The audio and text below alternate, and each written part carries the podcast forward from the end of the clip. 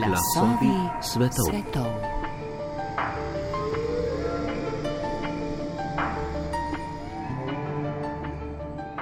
V približno 400-letnem procesu, nekako med letoma 1500 in 1900, si je peščica evropskih držav podvrgla svet.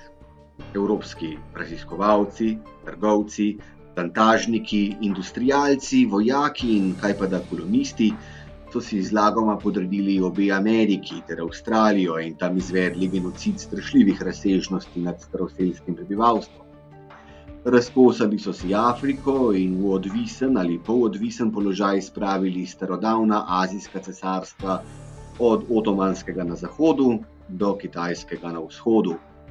Ta proces se je v naš kolektivni zgodovinski spomin upisal z dvema besedama: kolonializem in imperializem. Toda v tem zmagoslavju Britanije, Španije, Francije, Portugalske, Nemčije, Nizozemske, Rusije, Belgije in Italije je bilo vsebovano tudi že seme poraza. Tekmovanje med evropskimi velesilami za nadzor nad svetom, nad ozemlji, surovinami, trgovskimi potmi in tržišči ter ljudmi je namreč sprožilo najprej prvo, na to pa še drugo svetovno vojno, ki sta staro celino izčrpali do te mere, da Evropa starih kolonialnih imperijev preprosto ni več mogla zadržati. In tako sta kolonializem in imperializem enkrat za vselej odromala na smetišče zgodovine, kaj ne? No, kolonializem v pretežni meri morda res, glede imperializma pa stvari niso tako preproste. Sami Ramin, sloviti francosko-egiptovski marksistični ekonomist in politolog ter pionir teorije svetovnih sistemov, je bil naprimer pripričan, da je imperializem tudi danes še prav lepo pri močeh, da pravzaprav predstavlja temeljni ekonomsko-politični okvir, znotraj katerega se odvija življenje na našem planetu.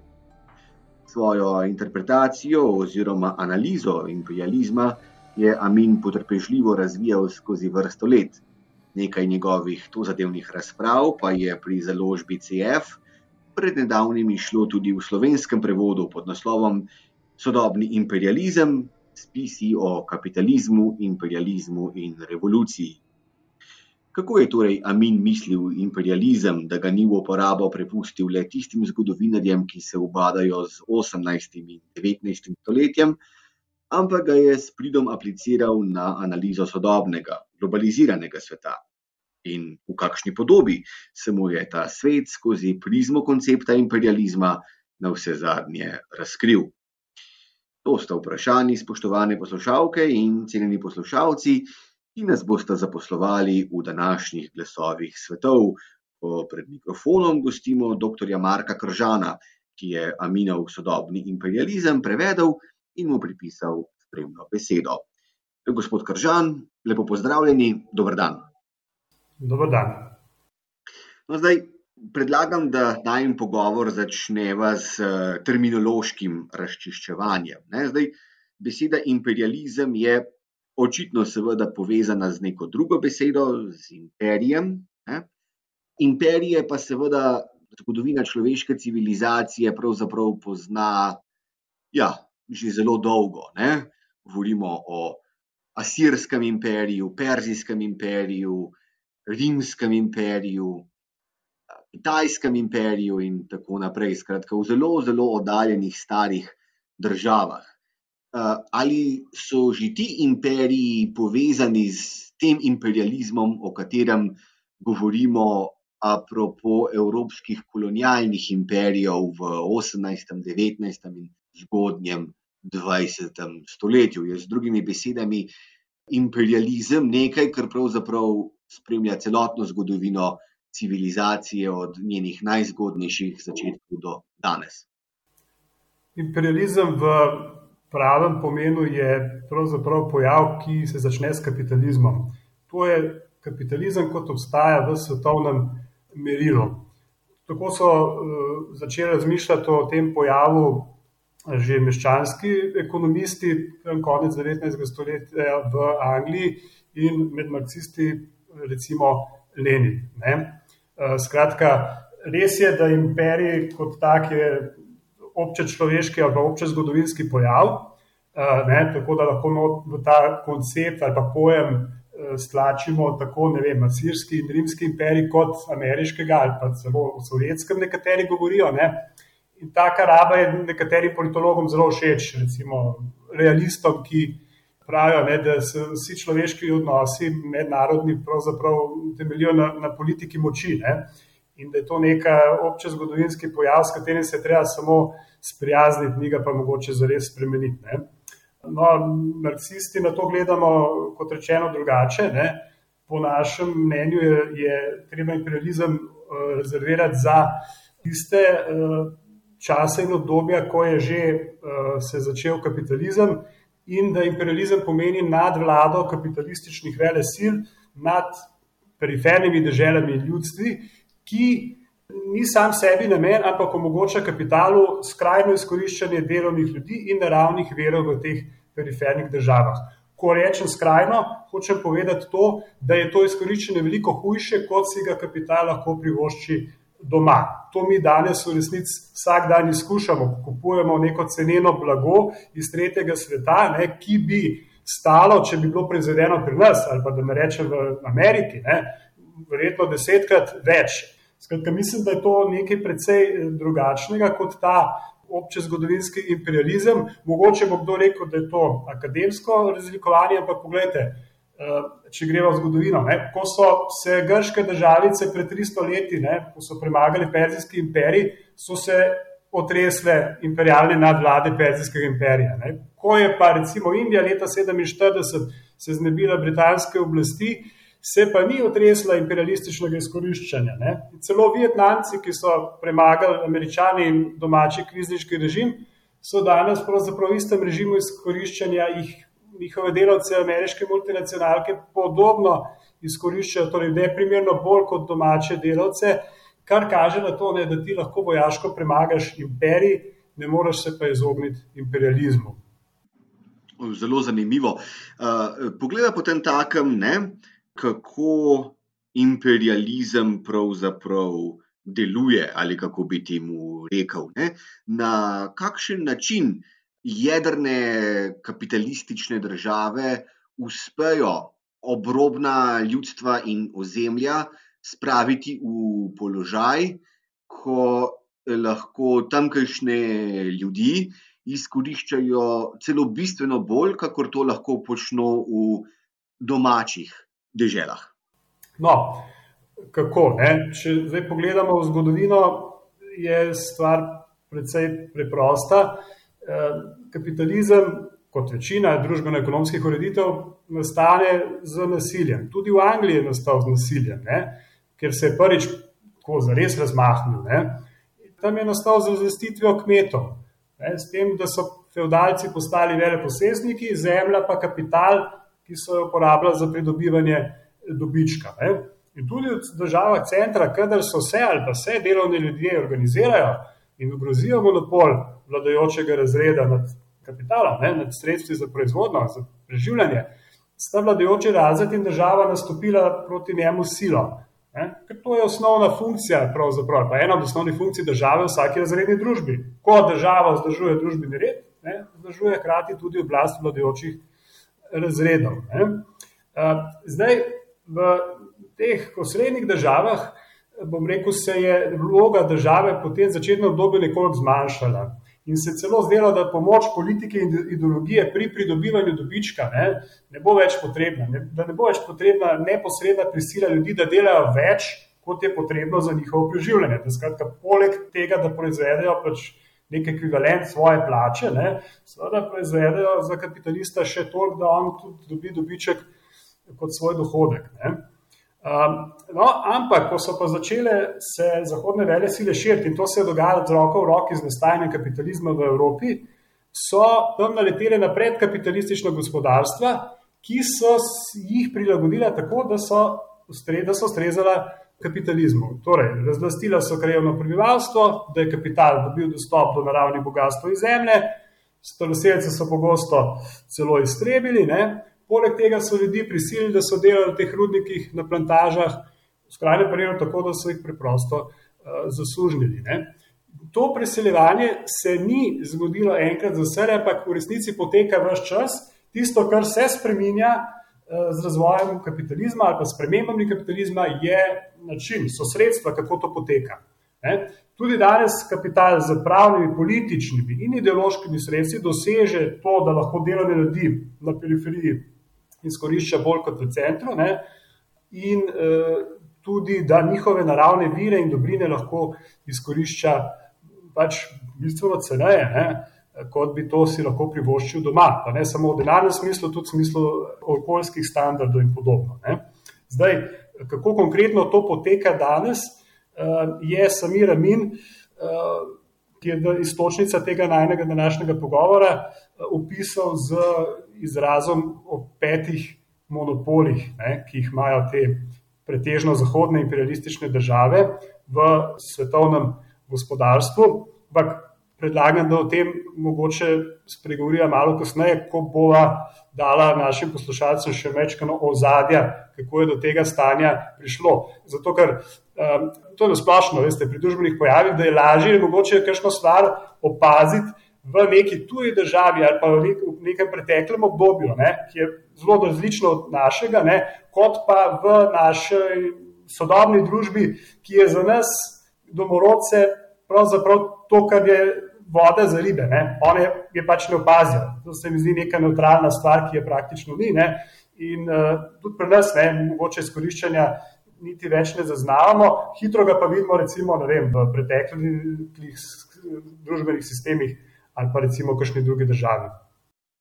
Ja, kako je že eh, rekel eh, Ivan Cankar na tiste očitke, ne? Namreč ko je živel na Dunaju, da preveč kritizira razmere na Sloveniji, njega pa sploh ni tukaj, ne, pa je odgovoril, ja, oddaleč se vendar bolje vidi. Ne.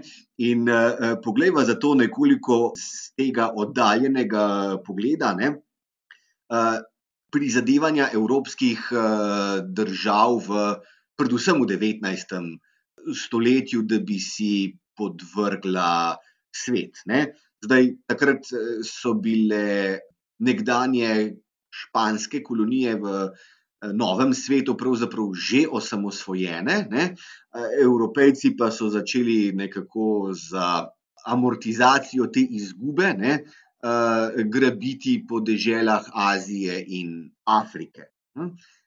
Zakaj pravzaprav evropski kapital potrebuje te dežele, zakaj jih mora obvladovati, zakaj preprosto ni dovolj samo to, da bi recimo svoje izdelke, ne, proizvedene v domačih eh, manufakturah in vse bolj tovarnah, ne, eh, preprosto samo prodajal po svetu. Zakaj je potrebna neposredna politična nadoblast nad deželami Azije in Afrike?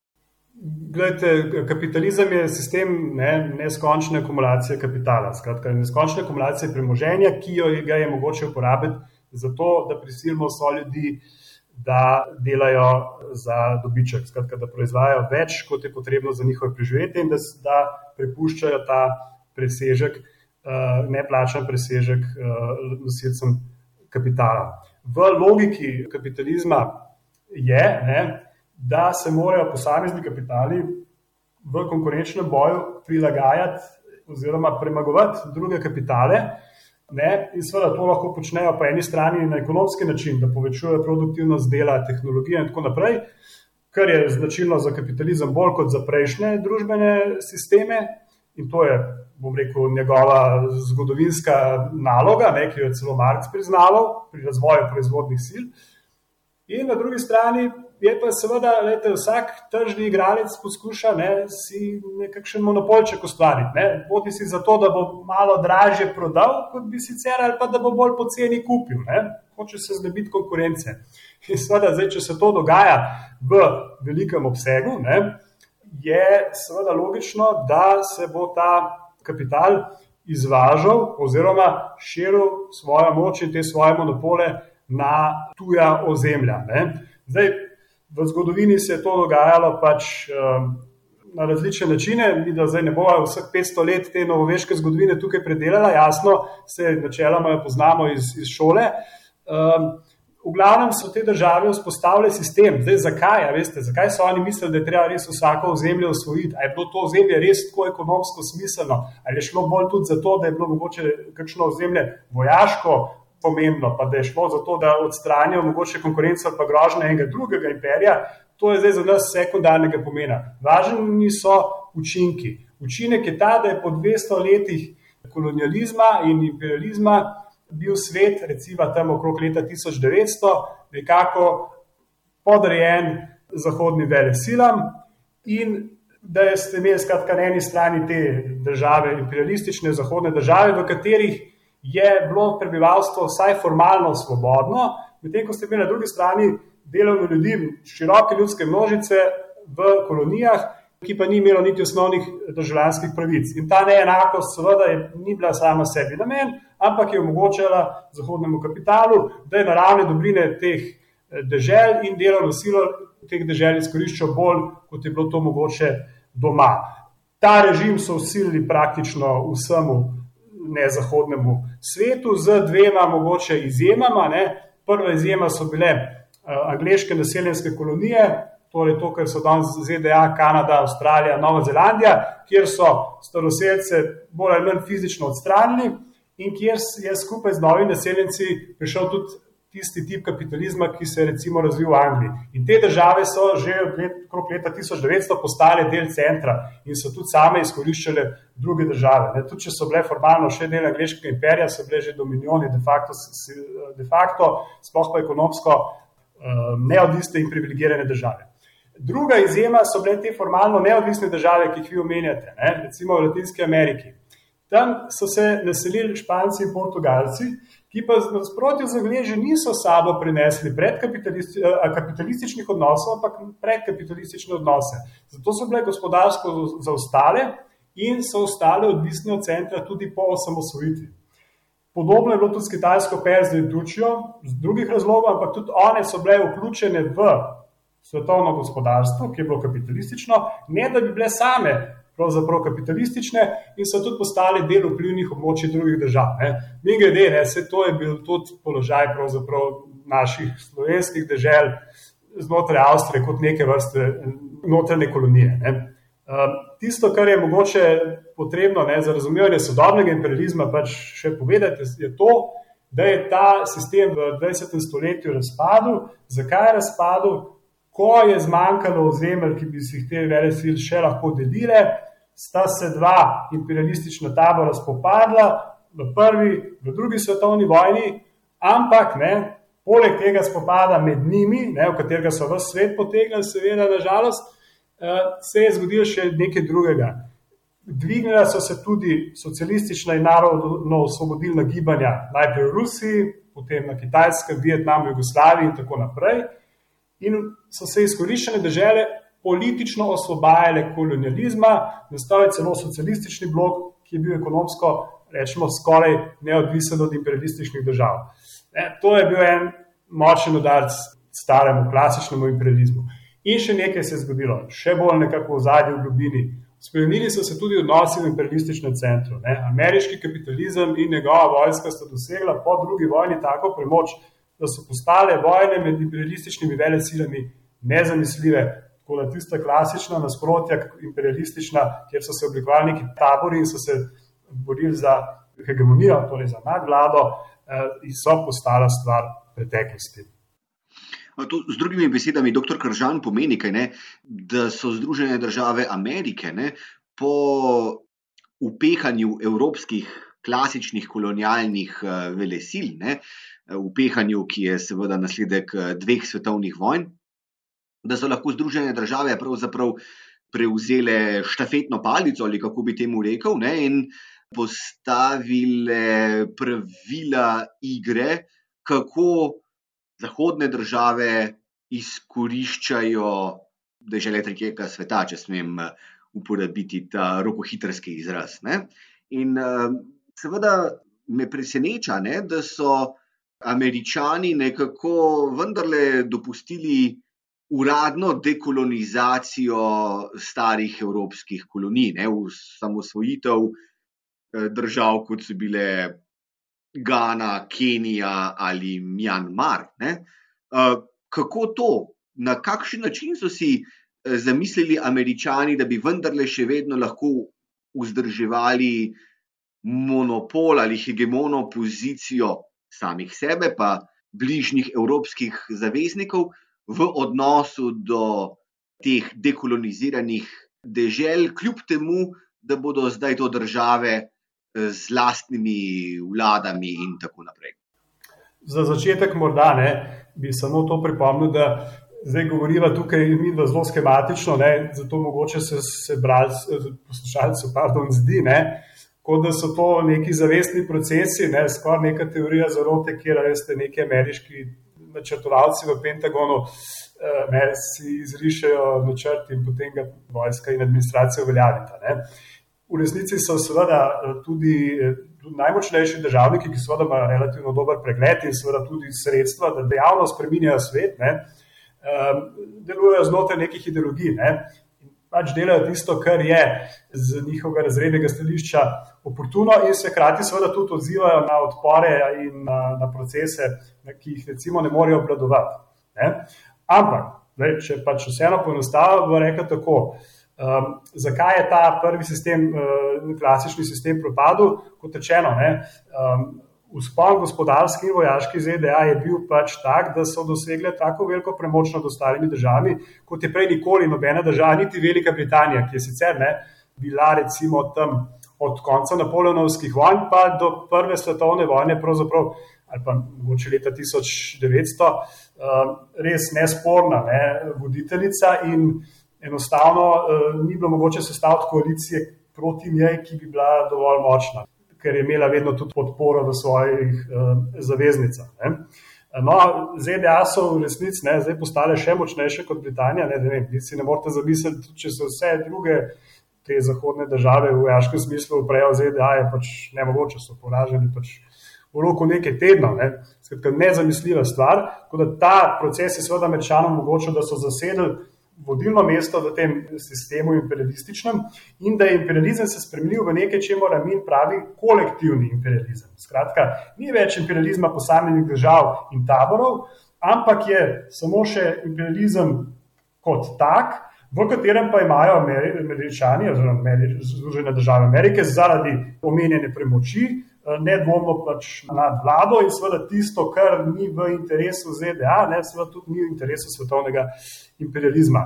Eh, in kaj je to, kar je v interesu svetovnega imperializma, je ohranjanje teh eh, podrejenih držav v položaju, ko so prisiljene v to, če pravijo ekonomisti, ne, ne enaka menjava. Skratka, da za svoje blago, za svoje proizvode, dela in naravne dobrine pridobijo v menjavi manj dela in dobrin, kot jih same dajo. Ne? In kako je to mogoče? To je omogočajo te, uh, teh pet monopolov, ki so jih prej omenila, pa jih lahko zdaj naštejeva.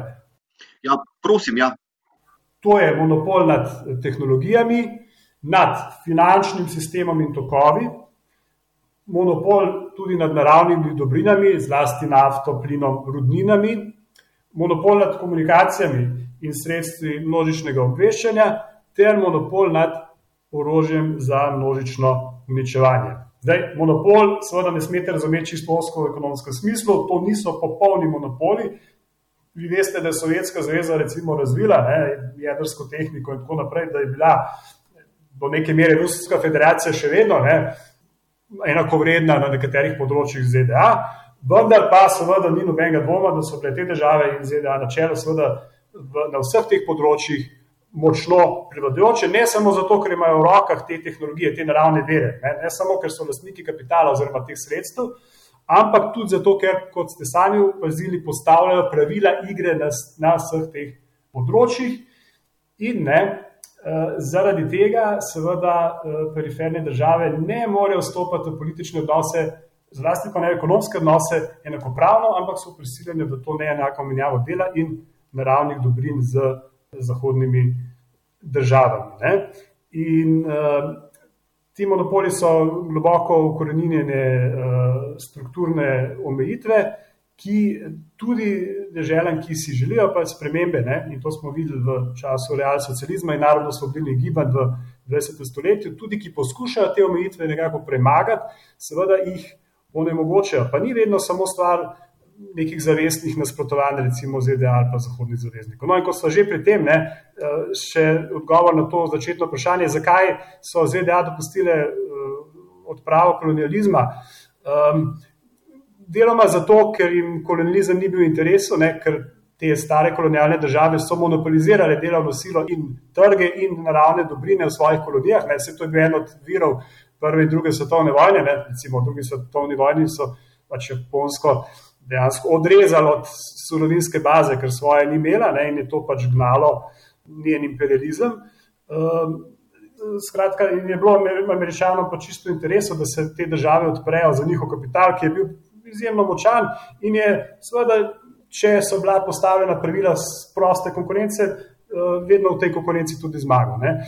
Drugi primer so pa recimo seveda tiste kolonije, kjer ZDA niso bile naklonjene dekolonizaciji, uh, ker so prišli na oblast narodno-osvobodilna gibanja, ki so hoteli recimo podržati naravne vere ali pa celo tuji kapital, oziroma je prišlo celo do socialističnih revolucij, kot recimo v Vietnamu, na Kubi in še marsikje drugot, kjer so pa aktivno vojaško posredovali, ampak ponekod niso bile uspešne, so bile poražene.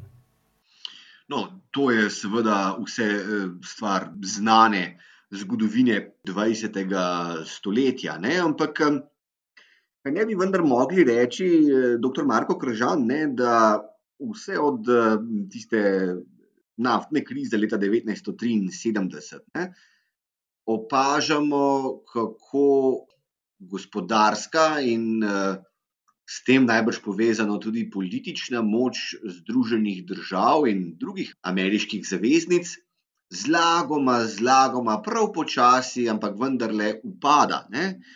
In uh, bi si človek uh, potem takem mogel misliti, ne, da to relativno upadanje ameriške prevlade v svetovnem kontekstu, ne glede na to, da so zmagali v hladni vojni, ne, uh, da vendarle to upadanje ameriške moči ponuja možnost uh, tistim državam, ki so v nekem polodvisnem ekonomsko-političnem razmerju do Washingtona, ne, uh, da tem državam, skratka, ton ameriške moči omogoča oblikovanje samostojnejše ekonomske politike. Lastnega gospodarskega, industrijskega razvoja, ki ni več v neenakem odnosu do starih kapitalskih centrov moči. No, všeč mi je vaš optimizem. Ne, ne vem pa, če je vas eh, vedno na mestu. In da sploh je težko v družbi in politiki nekaj napovedovati. Vse veste, ali pa ne, mogoče naši poslušalci starejši vejo, da se je včasih veliko govorilo o sponu Japonske, ne, pa potem azijskih tigrov.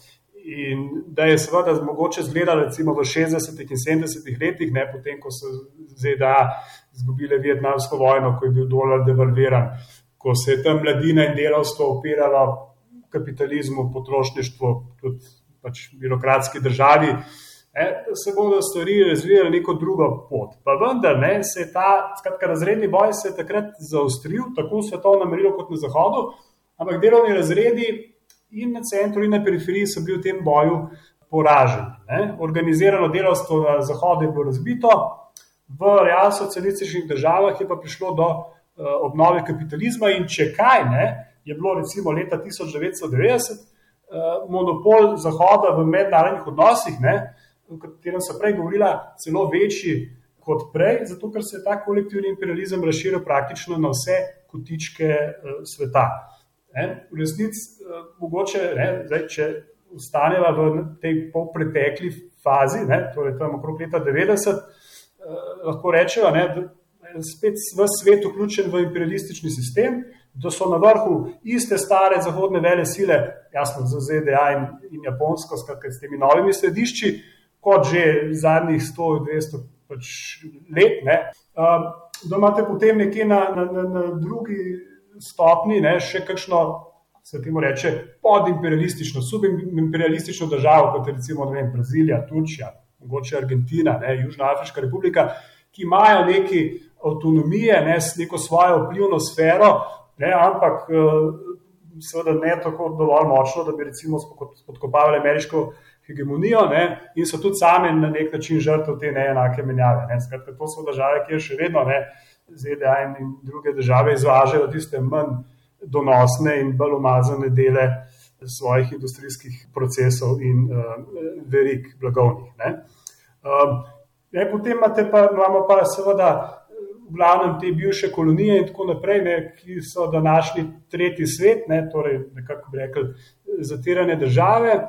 In zunaj tega sistema tako rekoč ne skoraj ničesar ni. Ne. Zdaj, mogoče z, dobro, deva še omeniti države, kot so recimo Slovenija in, in te nekdanje socialistične države. Ne. Um, bom rekel, ne, so se nekako razdelile po letu 90 na dva tabora, tiste bližnje, tiste zraven Zahodne Evrope, so, ki so bile že prej mogoče više od tej mednarodne delitve dela, so postale nekako notranje obrobje ne, tega imperialističnega centra. Ne. Veste, postale so to, ne, kar je mogoče Latinska Amerika za ZDA, so zdaj te naše vzhodnoevropske članice EU-ja v odnosu z Nemčijo, Francijo in tako naprej. Um, Skratka, so nekako vmes na neki lestvici, ko po eni strani so seveda one še vedno izkoriščene od centra, kar vidite, seveda takoj, ko greste v Avstrijo, ker boste videli, da delavec za enako delo, popolnoma enako delo, ne lahko dobi dvakrat više plače kot pri nas. Ne. Ja, je pa res, ne? po drugi strani pa seveda so vse više na lestvici kot tiste države, ki pač so danes bazen poceni delovne sile. No, ampak te države so, ne glede na to, pač, kje so na tej lestvici, seveda absolutno znotraj tega imperialističnega sistema. Vprašanje je, ne, ki seveda vse nas najbolj, najbolj zanima, ima ta imperializem kje kakšen konec, ali je kje kaj, kar ga lahko presega. Ne. Včasih je to bil zlasti. Eh, ta realsocialistični svet. Eh, in eh, jaz mislim, da je nekaj držav, ki štelijo ven iz sodobnega imperialističnega sistema, do te mere, da bi lahko celo rekli, da niso več del imperialističnega sistema in da, da so mogoče potencial za novi protiimperializem, recimo temu 21. stoletja. Stavim, dr. Kržan, da boste zdaj med temi državami za katere pravite, da štrlijo ven iz eh, reda sodobnega imperializma, eh, da boste v tem kontekstu omenili Rusijo in Kitajsko. Ali imam prav? Ja, imate prav. Poglejte, to sta obe nekdani realsocialistični državi. Pričemer bi pa jaz rekel, da je Kitajska še vedno eh, država realnega socializma, kot je bila nekdanja Sovjetska zveza ali Jugoslavija, seveda v drugačnih okoliščinah. Zdaj, eh, kaj je pravzaprav realen socializem? Ne? Zakaj uporabljam ta pojem, ne pa recimo socializem ali komunizem? Ne? To so te naše države, kjer so ljudske revolucije ali pa sovjetska intervencija ponekod, ampak tam, kjer je bilo to zares, so bile to domače revolucije, narodno-slobodilna gibanja, revolucionarna, odpravili kapitalizem. Skratka, so podržali večino produkcijskih sredstev, zemljo, odpravili zasebno lasnino, močno regulirali uh, trg ne, in tako naprej. Niso pa, ne, zato pravim, realen socializem, ne, zato je v navednicah, niso pa seveda uh, razvile še socialističnih uh, ekonomskih odnosov, niti uh, socialistične demokracije kot politične oblike tega socializma. Ne. Delovni ljudje niso bili nosilci oblasti ne v gospodarstvu, ne v naravni države. Ne. Še zmeraj so bili v meznem odnosu do, do kapitala eh, in tudi niso bili nosilci urejanja gospodarskih in političnih zadev. To vlogo je imel en sloj, ki mu lahko rečemo vem, nomenklatura, birokracija. Ne. No in zdaj, da gremo zelo hitro skozi to zgodovino teh realsocializmov. Eh, paradoks teh socializmov je bil ta, ne, da so se naredili korak stran od kapitalizma vendar se je ta proces zablokiral. V vseh teh državah se je ta proces zablokiral, ker razredni interes birokracije ni bil, da se razvija socialistična uh, demokracija in gospodarstvo uh, in socialistično gospodarstvo, ampak da se ohrani nek tak status quo. In jaz mislim, da je razlika med Kitajsko in Rusijo, recimo danes, ta, da je v Rusiji po tisti veliki krizi, po tem, ko je tudi na svetovnem obsegu kapitalizem se spet močno uveljavil in imperialistične države, v Rusiji vladajoči razred obnovil, ali pa kot rečemo, prišlo je do restauracije kapitalizma, medtem ko je Kitajska ostala realna socialistična država, kar se vidi v tem, da je ta birokracija ohranila vse vzvode odločanja eh, v gospodarstvu, da tako rečemo, in eh, zlasti seveda v politični sferi. Kar se vidi v tem, da je večina kapitala, recimo tam nekje 60%, še vedno v državni lasti zlasti v strateških sektorjih in finančnem sektorju, in da je uh, tudi recimo zemlja ne, ni, ni privatizirana, ampak se z kmetom zagotavlja prost dostop uh, do zemlje. No, in uh, v tem vidim razliko recimo med Rusijo in Kitajsko, ali pa tudi med recimo Rusi, uh, Kitajsko in Indijo. Mislim, da je prišlo v tem času, o katerem zdaj govorimo, torej med letom 70 in današnjim časom, do ene epohalne svetovne spremembe, ki je bistvena novost v primerjavi z recimo 20. stoletjem, ko se je prvi protiimperializem pojavil, to pa je, da je bilo takrat težišče proizvodne v zahodnem svetu. Danes je pa težišče proizvodne na vzhodu, da tako rečemo, in še zlasti na kitajskem. In zdaj, če se bodo razredni boji na kitajskem, zlasti na kitajskem, razvijali v tej smeri, da bo ta realna socialistična blokada odpadla in da bo vpliv delovnih ljudi na gospodarjenje in na upravljanje družbe omogočil razvoj socialističnih odnosov, sem optimističen, da se bo razvil novi protiimperializem, novo gibanje za enakopravnost narodov zlasti pa delovnih ljudi v tretjem svetu. Eh, in eh, če se bo to zgodilo, mislim tudi, da ima ta protiimperializem večje možnosti za uspeh, za trajen uspeh, kot ta prvi val protiimperializma, ravno zato, ker zdaj ima za sabo to produktivno industrijsko bazo. Ne. Prej, a veste, je bil odvisen tehnološko in vseh pogledih še vedno ne, od Zahoda, tudi Sovjetska zveza, konec koncev, kot velika država, tudi Kitajska. Ne?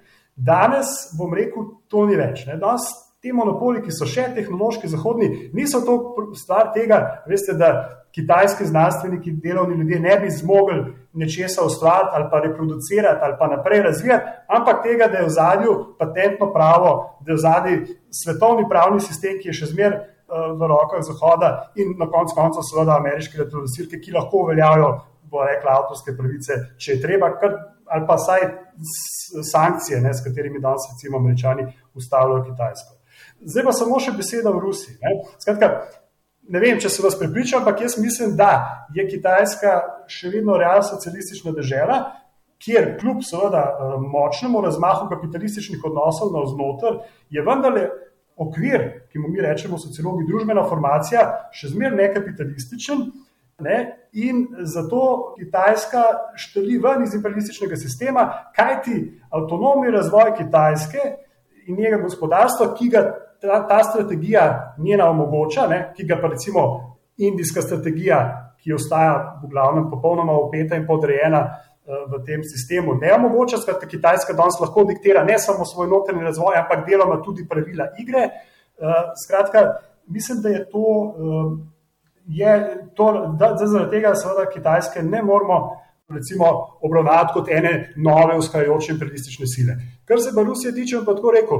Jaz si mislim, da verjetno ruski vladajoči razred, ne glede na to, kaj dela, ne, se seveda močno razlikuje od Kitajske. Oni so obnovili kapitalizem do konca, so svoje prebivalstvo in industrijo, ki je bila visoko razvita, praktično kanibalizirali ne, z groznimi posledicami in zdaj živijo v bistvu rentniško, ne, od naravnih bogatstv, pa od tega, kar je bilo v preteklosti narejeno. In veste, namesto, ne, da kot imate na kitajskem ogromna vlaganja v državno infrastrukturo, državna podjetja, ne, imate stal beg kapitala v razne davčne oaze in tako naprej. Ne. Ne, z tega vidika veste, bi verjetno ruski odloči razred čist pristal na to, da dobi Rusija neko subimperialistično vlogo, kot kakšna, ne vem, Turčija eh, in, ali pa ne vem, Brazilija, kakorkoli že. Uh, ampak mislim, da Zahod na to ni pripravljen. Skratka, zahodni kapital, kolektivni imperializem, če hočete, ne potrebuje ne ruske vojske, ne ruske države, zato da bi pač poceni izkoriščal uh, rusko prebivalstvo, prebivalstvo vzhodne Azije. In v tem smislu bi rekel, da Rusija, čeprav ne delč od tega, da je bila socialistična država, če pa država seveda ni protikapitalistična, tudi po definiciji je težko protiimperialistična, bi vseeno rekel, da štrli ven iz tega sistema in da je ne moramo obravnavati enako kot ostale subimperialistične države. Ampak vrnil bi se, doktor Kržan, še malo kitajski, če smem. Namreč to vaše prepričanje, da je avtonomen razvoj eh, Kitajske mogoče upisati v tok eh, svetovnega antiimperializma, ne? to se mi resnično zdi nekoliko eh, optimističen pogled. Namreč, če pogledam na ta razupiti projekt enega pasu, ene poti, ne? se pravi teh masivnih vlaganj v infrastrukturo, pa seveda tudi v gospodarstvo tistih dežel, ki stojijo nekako med Kitajsko in Zahodno Evropo. Ne? Se mi zdi, da bi prav tako lahko mogli interpretirati v tem smislu, da pravzaprav Kitajska poskuša oblikovati alternativen imperialistični sistem, z drugimi središči, drugimi protektorati, pa tudi, seveda, drugimi polperiferijami in periferijami od takšnega sistema, kot ga ima vzpostavljenega Amerika ta hip. Ne? In če k temu prištejemo, recimo, ne, še to, kar vidimo, da se dogaja na Kitajskem, ne, od kulturnega genocida nad Ujguri v Xinjiangu, pa teh presketanj na meji z Indijo in Tajvanom, pa seveda eh, to, kar zdaj lahko beremo, seveda o dolžniški krizi Črne Gore, ki je sprejela kitajska posojila, pa jih zdaj ne more vračati. Ne? No, iz vsega tega se mi zdi, da bi bil zelo previden, preden bi Kitajsko označil za silo progresivnih eh, zgodovinskih tendenc v 21. stoletju. Zagotovo je nekaj na tem, kar vi pravite, in jaz, tudi moja analiza gre v resnici v tej smeri. Uh, jaz mislim, ne, da bo, če bo Kitajska ostala pri tem, ne, da bo samo realna socialistična država, da bo torej ostala neka mešana družbena formacija, kjer bo kapitalizem se krepil, ne, uh, hkrati bojo pa blokirani razvoj socialističnih odnosov, ne, se bo verjetno čez čas zgodilo to, ne, kar se je zgodilo v Rusiji. Da bo pač vladajoči razredi ugotovili, ne, da jim je odkriti kapitalizem v resnici bolj v interesu kot ta hibridni sistem. Ne. In mislim, da je tudi, eh, rečemo temu, eh, svetovni protiimperializem ali pa kitajski protiimperializem. Njegov nastanek je odvisen od tega, kako se bodo notranji razredni boji razrešili. Ne. Tako da, ne, če bo Kitajska nekoč postala čisto kapitalistična država, Ehm, seveda je posebno logično pričakovati, da bo instrumente državne in vojaške moči, ki jih ima, zlasti v, v nekaterih regijah, uporabljala za to, za kar pač služi imperializem, za omogočanje presežnega izkoriščanja prebivalstva in naravnih dobrin v svetu. Dokler pa ne, je ta proces, kaj se bo na Kitajsko zgodil, odprt, bi bil jaz previden in bi rekel, da sta mogoče in ta pot, ne, pot kapitalistične restauracije, in potem pač Kitajska kot neka vem, če hočete, nova Francija, ki se je borila takrat proti hegemoniji Britanije, ali pa nova Nemčija, ki se je borila proti hegemoniji Britanije, ki bi pač nastopila kot neka alternativna imperialistična sila proti ZDA. Mislim, da mi še nismo tam. Ne? In jaz za zdaj, dokler je situacija na kitajskem kot je, skratka, da je državna formacija še zmerno realna, socialistična, ne kapitalistična, mislim, da, te, eh, da so ti ukrepi, ki jih zdaj izvaja Kitajska, Pustimo, veste, da so vsi racionalni ali niso, pustimo ne, to ideologijo, ki je za sabo, ki je tudi na kitajskem, ja, država zelo meščanska, velikrat verjetno precej nacionalistična, produktivistična, potrošniška in tako naprej, ne, zlasti med srednjimi razredi. Um, Je vendar treba to imeti kot neke vrste obrambne ukrepe. Ne? Ker ti zdaj vi vidite, dokler je bila Kitajska nekako tretji svet, ne? se, se Zahod ni ukvarjal veliko z njo in ga tudi ni veliko motilo odnos do različnih manjšin ne, na kitajskem. Zdaj, ko je Kitajska ne samo pri izdelovanju oblek, pa ne vem, pol izdelkov, ampak tudi na visoki tehnologiji postala rekel, konkurenčna, oziroma je postala središče svetovne proizvodnje in bo tudi vedno v večjem obsegu središče svetovne proizvodnje, je Zahod, zlasti seveda ZDA in tukaj sta Trump in Biden popolnoma na isti liniji, začel uh, zaostrovati odnose s Kitajsko. Skratka, začel kopičati vojaško moč, ki je bila ne, okrog uh, Kitajske. Uh, Eh, ki je, paste v vojaškem smislu, niti slučajno ni Sovjetska zveza. Ne, in če gledate z, recimo, z vidika jedrskega orožja, absolutno ni, niti slučajno ne more parirati uh, ZDA. Ne. Uh, in hkrati je začel recimo, izvajati razne ekonomske sankcije, enostranske, v nasprotju s pravili mednarodnega prava in tako naprej, ki imajo en sam namen, da Kitajsko odrežejo bodi si svetovnega trga visoke tehnologije, to imate v primeru Huawei, ali pa da je preprečite dostop do recimo energentov. Uh, vidite, da se pač sankcionirajo recimo Venezuela, Iran in tako naprej, ne? se pač tudi nasprotjo recimo ne, z, z mednarodnim pravom, čisto enostransko. Zato, da se pač Kitajsko, ki seveda sama nima dovolj teh virov, mislim, med drugim, ne, ne samo zato, ampak med drugim je učinek ta, da tudi da Kitajska enostavno ostaja brez teh virov. Zato je, po mojem, logičen ukrep. Veste, tako kot je bil medsebojna pomoč med socialističnimi državami, včasih ali pa med neobveščenimi, da si neke alternativne pomorske in, take, in druge trgovske poti pripravlja in da, da ima samostojen dostop do surovin in do trgov, ki ga Zahod ne bo mogel overati. Zdaj, veste, ja, real socialistični režim na kitajskem je tak, da zelo surovo ravna z delovnimi ljudmi in verjetno, nažalost, bolj ali manj tudi v tujini, ampak ne, to ni imperializem. Čeprav mogoče seveda bodo ti ljudje rekli, da ja, za nas je to relativno podobna stvar. Ne. Mogoče samo zdaj še beseda ne, o, o Črni Gori in tako naprej, ki ste ravno omenili. Ne. Eh, zdaj, ne, podrobnosti posla ne poznam, pa vendar bi vas upozoril, ne, kako so zahodni upniki ravnali recimo do Grčije in kako Evropska unija ni nič pomagala, ampak je izterjala vse dolg, kako je tudi Slovenija morala svoj dolg z časov bivše Jugoslavije in še celo skladine Srbije, ne vem odkot, poravnati zahodnim upnikom do zadnjega centa eh, in kako so ne, te institucije izsile od nas prodajo, pa ste privatizacijo državnih podjetij, s katerimi tisti krediti sploh niso bili zavarovani. Ne? Tako da malo je ironično, rekel Hinavsko, da bi pač pričakovali, da Kitajska eh, ne bo terjala poravnave dolga od eh, svojih eh, dolžnikov, medtem ko seveda zahodne države to lahko storijo. Nekaj sem pa prepričan. No? Prepričan pa sem, da Kitajska ne more zapreti bankomatov v Črni Gori, tako kot jih je lahko Evropska unija v Grčiji. In sem pripričan tudi, da, da Kitajska ne bo bombardirala Črne Gore, tako kot je pred uh, eh, 20 leti NATO. In še nekaj se mi zdi, no, ko smo zdaj že pri Kitajski, da bom rekel, bodo medetnični odnosi na Kitajskem odvisni.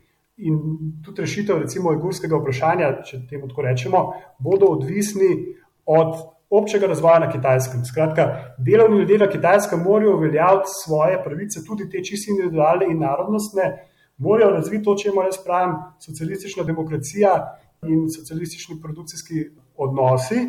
In uh, oni so lahko rešitev za ta paradoksalna vprašanja. Pripričan sem, da ne bo prišla rešitev z evropskimi sankcijami, še manj pa z ameriškimi bombami.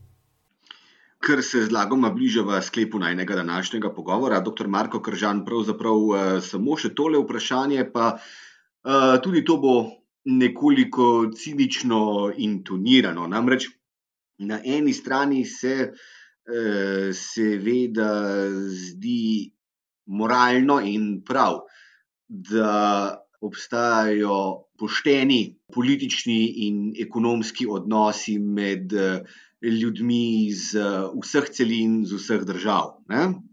Ampak po drugi strani pa bi lahko rekli, ampak sej uh, Slovenija, če tudi je v polodvisnem položaju v odnosu do Nemčije, Italije in Francije, kot prevladojočih držav Evropske unije, ne, uh, temu na vkljub Slovenija uživa evidentne prednosti tega, da je na tem mestu, na katerem je v trenutnem ameriško določenem uh, sistemu svetovnega imperializma. Ne?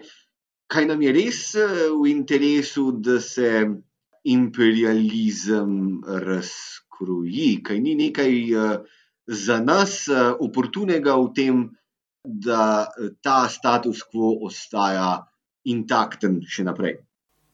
Prva stvar, na katero sem pomislil ob tem vprašanju, je en grafit, ki je bil tam blizu Metelkove včasih, kjer je pisal: Zadovoljni služen je največji sovražnik svobode. Pa ne mislim zdaj na vas, ne, ampak na rekel, nas vse, rekel, konformistične množice, ki pač smo pristali na, na, na, to, ne, na to politiko kruha in iger, na to, da nam pač ne gre še tako slabo kot mogoče komu tretjemu, skratka na to, da bi lahko še slabše kot je. Um, in uh, ja, ne, zanimivo, da recimo uh, pred kratkim naš sicer meščanski ne, ekonomist, tajnikar, objavil par prispevkov o tem, o katerih govori točno o tem, o čemer sem jaz danes govoril, o neenaki menjavi ne? in o izkoriščanju določenih držav po drugih državah. Ne? Samo njegov, njegova, bom rekel, rešitev je, ne, prav, ne, ja, lejte, Slovenija pač izgublja v, v menjavi z razvitejšimi evropskimi državami. Ne? In ampak kaj je njegova rešitev? Ne, njegova rešitev je pač, ja, lejte, ne, svetovnega sistema verjetno ne bomo spremenili, torej poskušamo prijeti mi na položaj, ko bomo mi izkoriščali druge ne, in ne več drugi nas in potem pač bolje živeli. Ne. Zdaj bi jaz nekako predstavil dva argumenta proti temu, ne. pa ne bom moraliziral preveč, ne. čeprav z moralnega stališča je to zavaženo, tudi enega dvoma. Ampak da pa pogledati malo bolj. Poglejmo iz čisto slovenske perspektive. Ne? A nam res koristi ta položaj? Ne? Jaz mislim, da če vi vprašate vem, enega delavca, ki dela v, v slovenski firmi v tuji lasti, ne, za eno plačo, ki je vem, lahko celo polovico manjša, kot je čez 30 km, če gre čez mejo v Avstrijo ali pa vem, v Italijo ali pa v Nemčijo, ali on res koristi od te neenake menjave. Ne? Jaz mislim, da jih nima. Um, in to zadeva veliko delovnih ljudi v, v celotnem našem industrijskem in tudi deloma storitvenem sektorju. Ne? Ne? Ker mi smo, kaj smo danes mi? Industrijski podizvajalci in prevozniki. To smo trenutno mi. Ne? In jaz mislim, da njim to ne koristi, niti čisto v tem, veste, utilitarističnem uh, uh, smislu.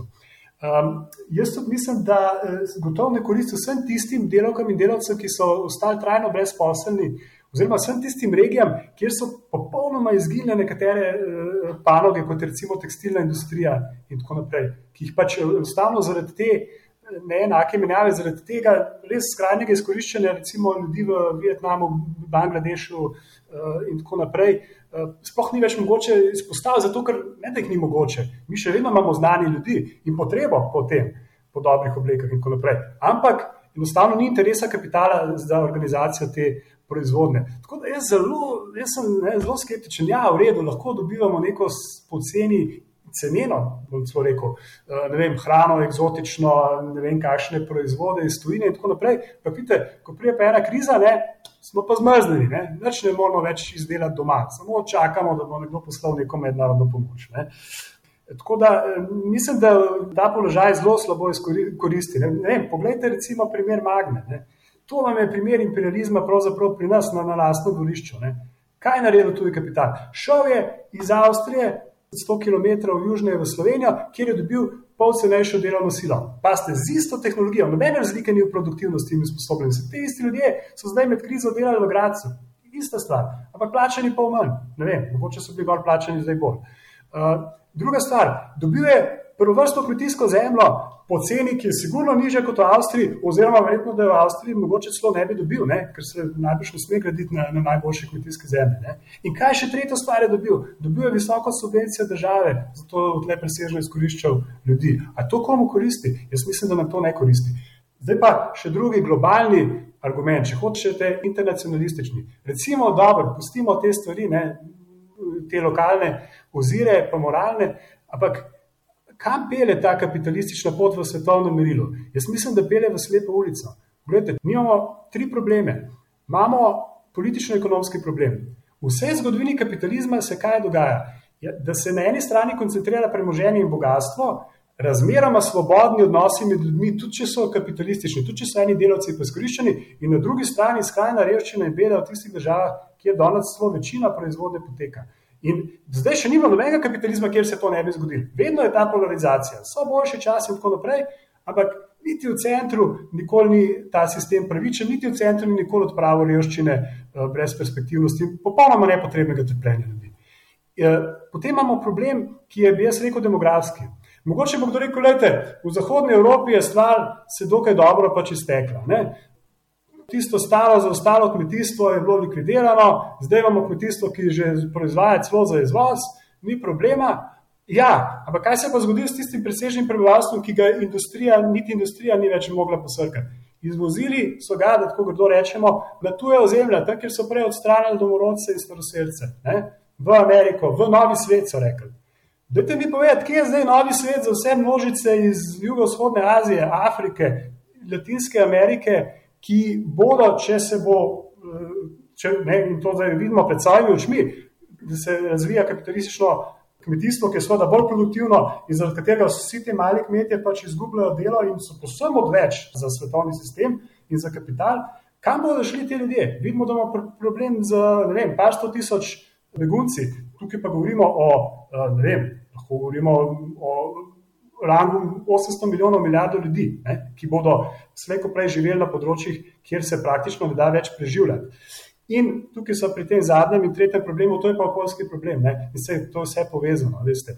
Po eni strani imate vedno več prebivalstva na območjih, kjer bo vedno težje se preživljati in sploh živeti, zaradi, ker se bodo klimatski pogoji tako poslabšali. Mogoče ne bo totalne katastrofe, mogoče ne bo vse življenje izumrlo, ampak enostavno ne bo se več dal gojiti uh, rastlin za, za preživljanje in tako naprej. Uh, in Poglejmo si, kaj se zgodi, če mi, recimo, vem, tako imenovani ameriški način življenja prenesemo na svetovno merilo. Ali pa raven življenja, ki jo ima potrošniška kultura ameriškega srednjega razreda. Mislim, da mi imamo še ne vem, ene pet planetov, da bi to zmogli. Enostavno mislim, da je, da je um, imperialistična pot slepa ulica za veliko večino prebivalstva na svetu in da si je treba prizadevati za drugačen, bolj pravičen svet. Pa tudi, če to se mogoče komu sliši patetično. Doktor Marko Kržan, najlepša hvala za tale pogovor in eh, za vsa pojasnila. Hvala vam. Vam, spoštovane poslušalke in eh, cenjeni poslušalci, pa seveda najlepša hvala za pozornost. Srečno!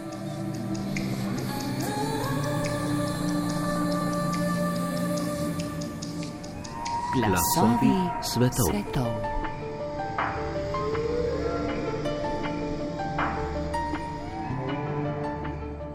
tem smo prišli do konca tokratnih glasov svetov, oddajo, ki lahko prisluhnete tudi v obliki podcasta ali jo poiščete na spletni strani programa Ars, sem pripravil in vodil Goran Dekleva.